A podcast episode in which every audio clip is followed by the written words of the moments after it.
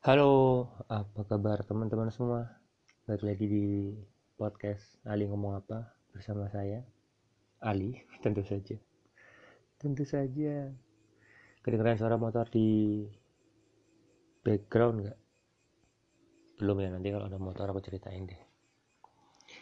Jadi semoga masa-masa pandemi ini yang nantinya pasti akan berakhir pasti tenang saja cuman waktunya kapan kita belum tahu. Dan memang di beberapa, di beberapa tempat sudah mulai ada pelonggaran. P PPSB PSBB ya gitulah pokoknya. Intinya lockdown gitu ya. Dan seiring dengan dilonggarkannya PSBB ini makin banyak dong orang-orang yang jalan karena memang ya semua orang butuh keluar untuk well mostly karena financial ya. Mereka butuh kerja. Kita semua butuh kerja. Kita semua butuh penghidupan gitu. Dan dilihat dari masing-masing perspektif nggak akan ada yang namanya mutlak atau absolut benar dan absolut salah gitu. Jelas. We have to do what we have to do gitu. Kita harus melakukan apa yang kita perlu lakukan kayak gitu. Nah yang jadi masalah adalah tentang topik yang pengen aku omongin hari ini kali ini deng. Itu kan sekarang jalan raya udah mulai rame lagi dan mulai macet lah ya.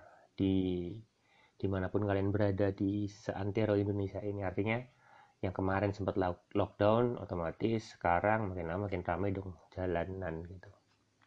Nah ngomongin masalah kemacetan gitu. Sebenarnya nggak ada satu cara pun yang manusiawi yang bisa bikin kemacetan itu hilang. Jadi gini konsepnya adalah yang namanya jalan tanah bumi dunia ini itu terbatas. Sedangkan manusia tidak terbatas, mereka bisa berkembang biak dan bertambah terus. Ya kecuali kalau kalian menikah dan tidak punya anak dan terus menerus menerus otomatis populasi akan turun ya. Atau misalnya terjadi amit-amit gitu ada gempa bumi besar atau ada musibah besar yang menghapuskan 50% penduduk di muka bumi kayak si Thanos gitu ya. Bisa terjadi dan akhirnya kita akan terhindar dari kemacetan ini. Tapi konsepnya adalah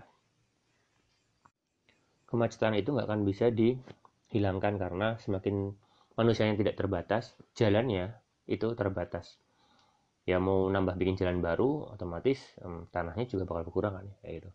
Nah, aku pernah nonton video di YouTube kayak gitu tentang bagaimana cara mengatasi kemacetan yang intinya sebenarnya bisa dilakukan dengan otomasi ya. Otomasi dari mobil-mobil itu dari secara elektronik lah maksudnya via komputer, via robot kayak gitu AI dan itu mungkin bisa terjadi karena ada keteraturan itu. Kalian kalau um, coba lagi perempatan lampu merah kayak gitu pasti kan ada jeda itu yang mobil pertama jalan kemudian ada mobil kedua jalan pasti ada jeda manusia untuk merespons depannya untuk jalan. Dan itu adalah salah satu penyebab dari kemacetan kayak gitu.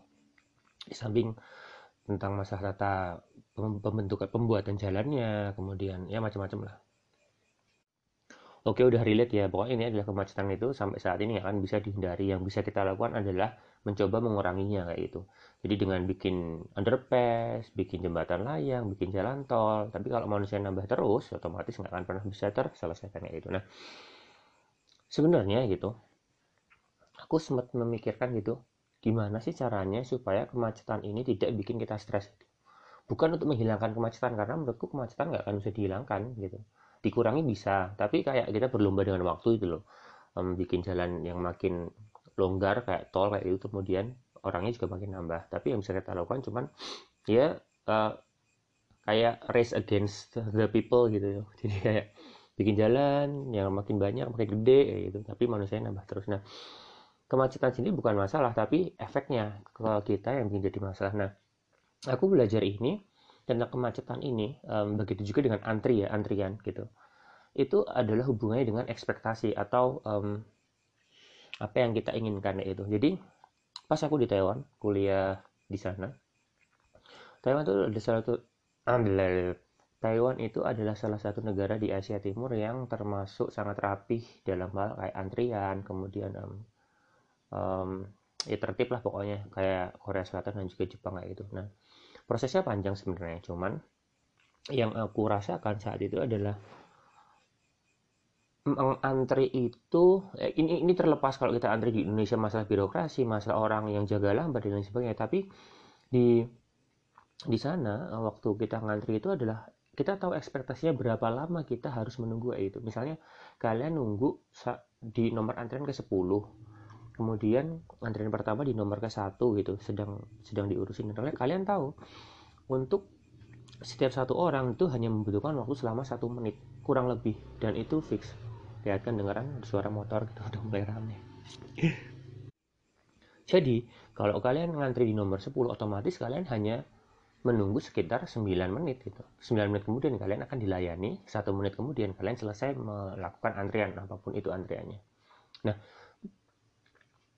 ini bisa terjadi dengan banyak faktor ya dan sangat kompleks gitu ya. Artinya sistemnya seperti apa, orangnya, sumber dayanya, infrastruktur infrastrukturnya kayak gitu. Cuman yang menurutku di sana waktu aku ngantri dan itu nggak bikin kesal adalah aku tahu berapa lama aku harus mengantri dan kemudian berapa lama kerjaanku dengan antrian itu bisa terselesaikan gitu. Dan itu membuat aku saat antri itu tidak stres gitu tidak tidak merasa tertekan karena oke okay, aku harus menunggu sekian menit setelah itu aku bakal selesai gitu. aku udah tahu plan itu aku udah tahu outcome dari antrian aku itu. Begitu juga dengan perjalanan di jalan raya kayak gitu saat terjadi kemacetan sebenarnya yang jadi masalah adalah kita tidak bisa mengukur kita tidak tahu ekspektasi kita itu berapa lama. Misal kalian jalan dari rumah ke kantor biasanya kayak gitu kan biasanya kalau jam segini sampai jam segini itu sekian jam.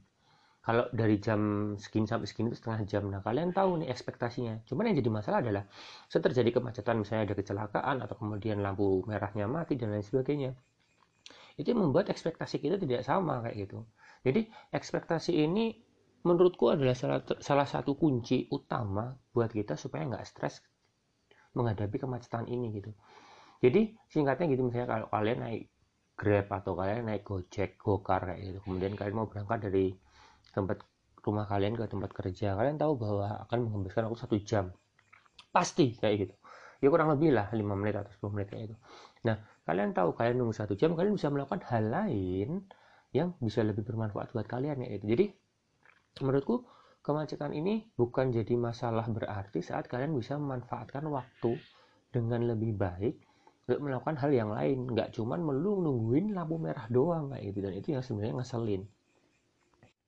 Terus gimana sih supaya kita nggak terlalu stres dengan kemacetan yang kita lalui sehari-hari gitu ya setiap orang pasti punya caranya sendiri ya kayak aku misalnya.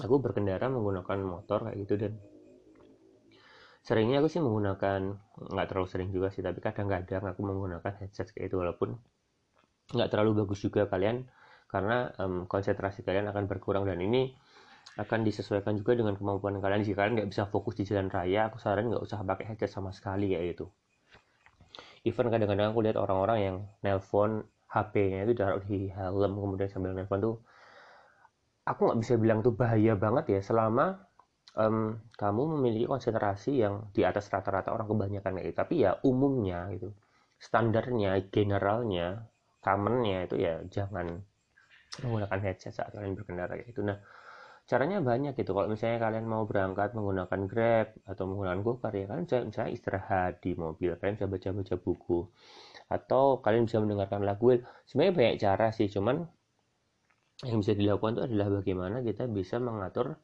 waktu itu dengan baik sesuai dengan ekspektasi kita supaya optimasi waktu yang kita pakai itu lebih berguna buat kita kayak gitu. Jadi kemacetan sendiri sebenarnya nggak terhindarkan sih kecuali kalian ya kalian saya kalian tinggal di Jakarta Komber kemudian kalian tinggal di Halmahera Utara gitu ya.